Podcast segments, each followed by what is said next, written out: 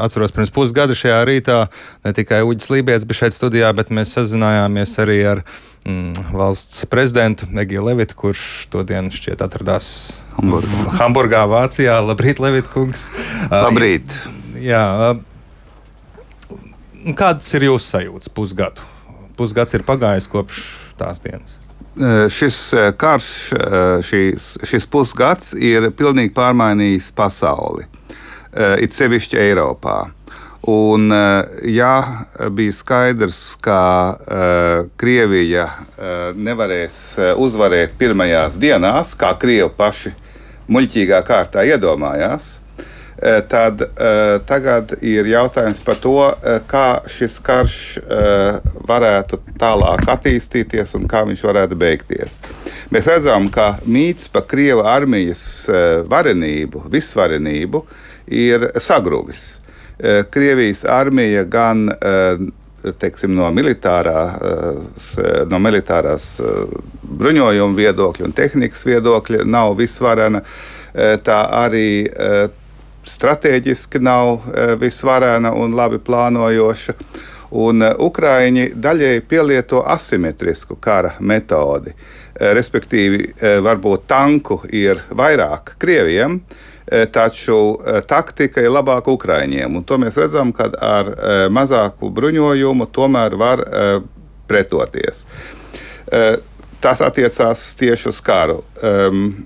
Mēs nu pat runājām par to, kā cilvēki to izjūt.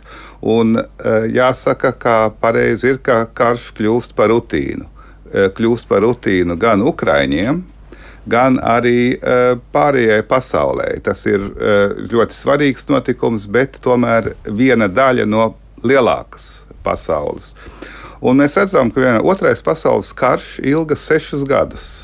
Un cilvēki kaut kā dzīvoja šajos, šajos sešos gados. Daudzi gāja bojā, bija ārkārtīgi grūti apstākļi, bet tomēr dzīve notika.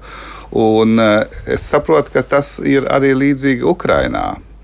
Eh, tādēļ eh, tas ir šis cilvēka izdzīvošanas instinkts.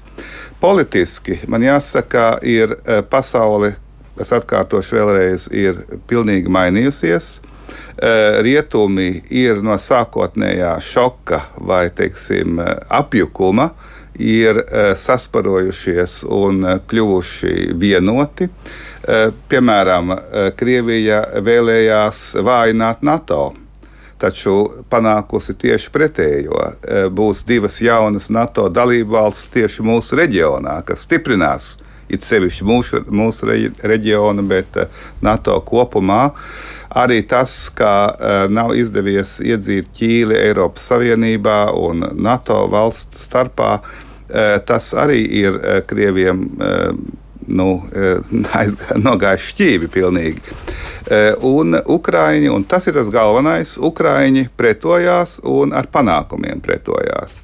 Un mūsu uzdevums, es domāju, mūsu kā Latvijas, mūsu kā Eiropas, mūsu kā NATO, mūsu kā Rietumu pasaules uzdevums ir visiem spēkiem palīdzēt Ukrainai, lai tā varētu pretoties, un gala rezultātam ir e, jābūt e, Krievijas sakāvei, kas nozīmētu Krievijas atkāpšanās savā teritorijā. Tā ir reāla.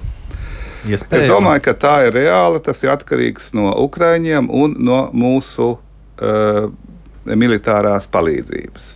Šī militārā palīdzība, teiksim, tā beidzamā laikā ir tiešām iedarbināta un tā kļūst ar vien lielāka. Mēs redzam arī, ka beidzamā nedēļā uh, Ukraiņi ar panākumiem uzbruk arī uh, Krievijas aizmugurē, Krimā.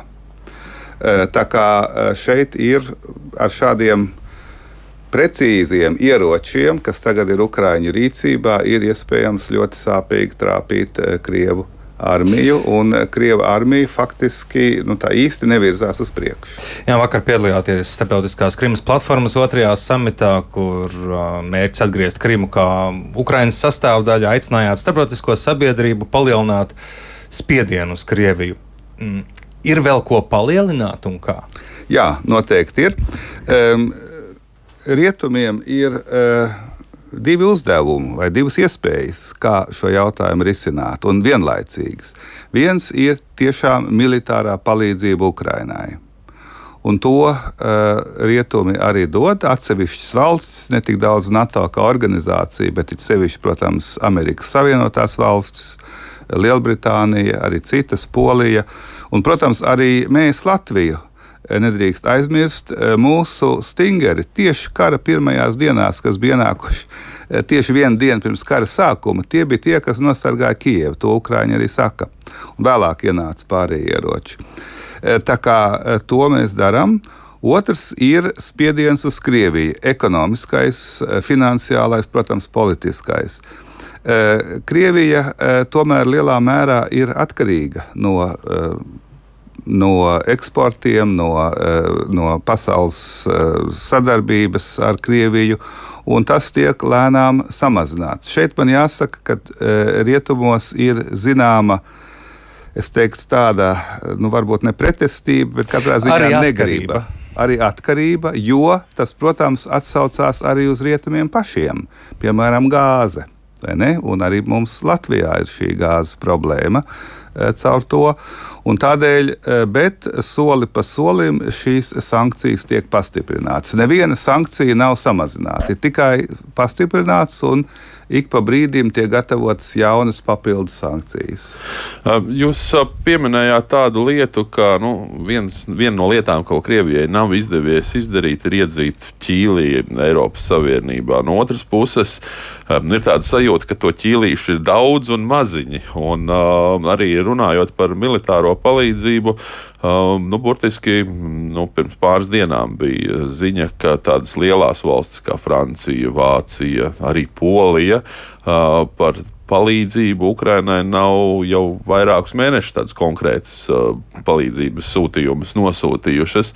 Vai tas kāda jums ir sajūta, vai arī Eiropā tomēr nav šis nogurums no kara un atkal arī bija vakar komentārs, ka Krievijam uh, izrādās, ka gāze ir izrādījusies efektīvāks kara līdzeklis par Kalašņikovu. Uh, šajā situācijā tiešām katrs sāk domāt vairāk par sevi. Uh, attiecībā uz militāriem sūtījumiem, es domāju, ka tas tā nav.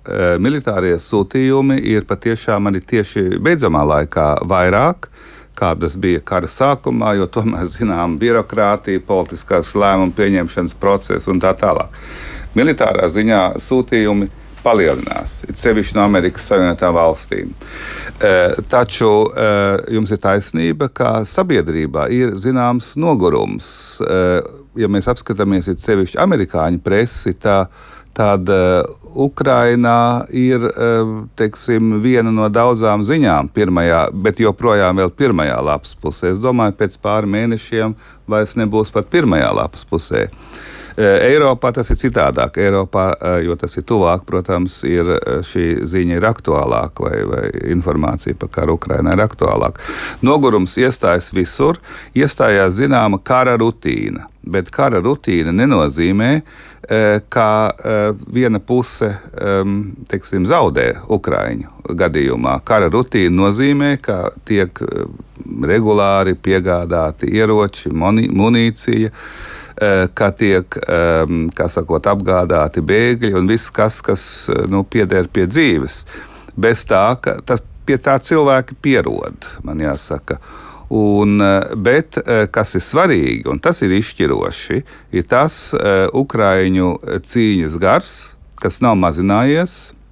Jo Ukrāņiem jau nav īsta alternatīva. Viņi var vienkārši padoties. Es domāju, ka nu, pie, pie šādām izrīcībām, ko Krievi ir izdarījuši Ukrajinā, nu neviens nedomā uh, padoties. Die, diez vai. Bet uh, skaidrs, ka pēdējais pusgads ir daudz ko mainījis arī pie mums. Un, jūs prāt, kāds ir mainījis mūsu sabiedrību uz labu?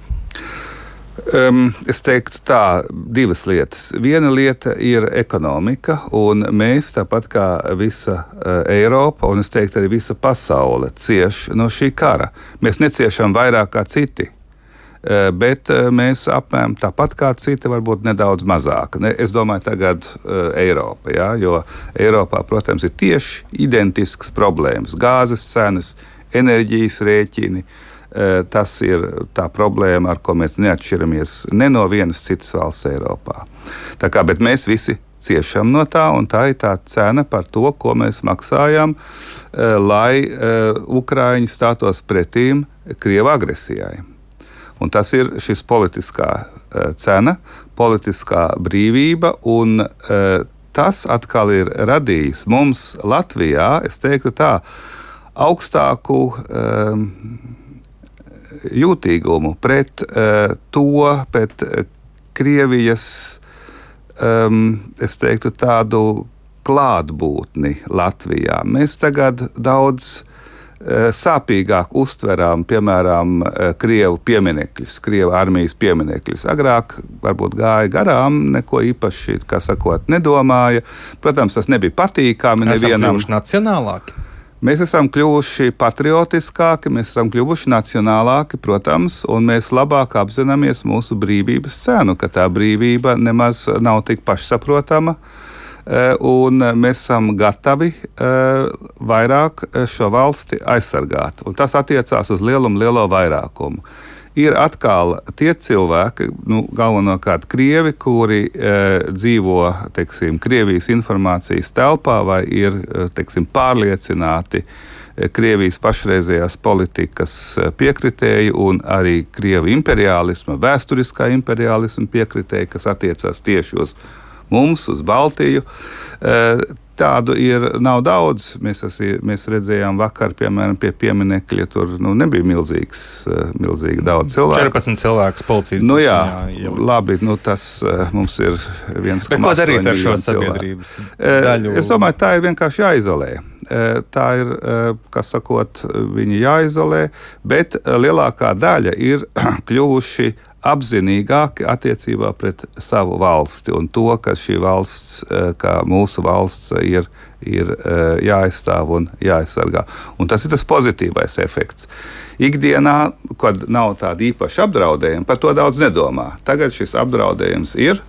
Eh, mēs to visi redzam, un tas liek cilvēkam būt lielākam patriotam, nacionālākam nekā teiksim, tādā ikdienā. Uh, Un tas arī ir noticis. Es domāju, tas ir šis pozitīvais efekts. Negatīvais efekts ir tas, ka viena neliela daļa eh, mēs labāk redzam eh, šo eh, krievu sabiedrības vienu daļu, kura ir, nav lojāla mūsu valstī, un mūsu uzdevums ir tikt ar to galā, respektīvi to izolēt.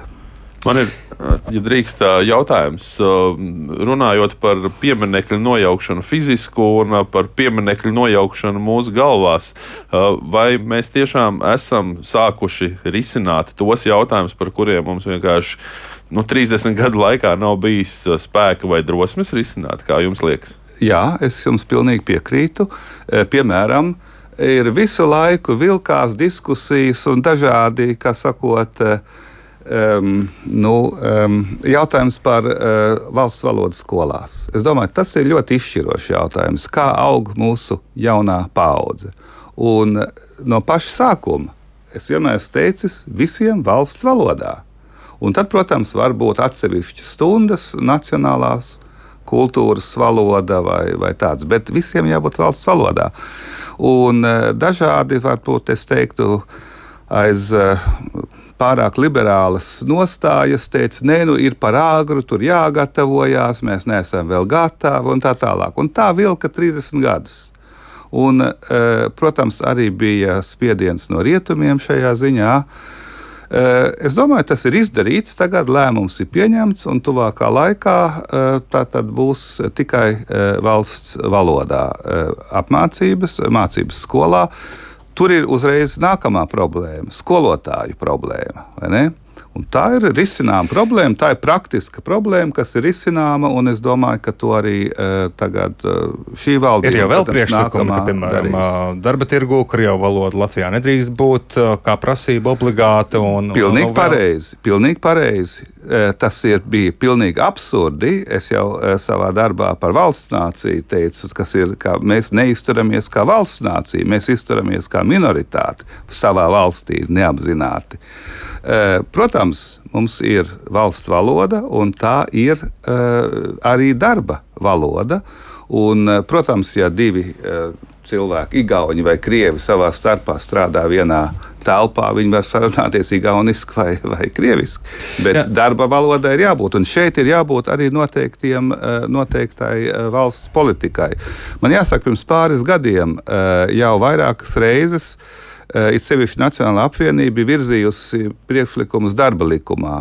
Un uh, bija cilvēki sājumā, kas ar putām uz lūpām aizstāvēja viedokli, ka nē, nu, tā ir uzņēmēja brīvība, kā viņš grib, tā viņš dara. Tā nav uzņēmēja brīvība. Te ir runa par, eh, par uh, diskrimināciju pret uh, tiem cilvēkiem, kas šo svešu valodu, un pasaulē ir 7000 svešu valodas. Uh, nepārzina. Un arī ne, nevēlas tajā runāt. Tā kā es domāju, ka tas arī viens ļoti būtisks jautājums, kas tagad ir pacelts. Mums ir kopēja valsts valoda, un arī krieviem, arī šeit dzīvojušiem lietuviešiem un poļiem. Tas mums vairs nebūtu no kā baidīties, jā, vai ne? Bet vienlaikus jā. mēs redzam, ka šo pieminiektu pārdaugavā aiz ar lielu slepenību, piesardzību, cienpiņu nu, piesakšanu ar augstām sētām demontē. Uh, tas viss notiek pamatoti, mums tomēr ir no kā baidīties. Es domāju, mums nevajag tā īpaši, mums vajag, eh, kā sakot, droši rīkoties, un, eh, bet nevajag arī īpaši eh, provocēt. Tā kā es domāju, tā ir šī drošā rīcība, lēmums ir pieņemts, piemineklis tiks nojaukts tiks nojaukti arī e, daudzās pašvaldībās, un es tiešām pateicos pašvaldībām e, Ogrē, Ikšķilē un, un Jēkabpilī un citur, kur tas jau ir, ir, ir izdarīts.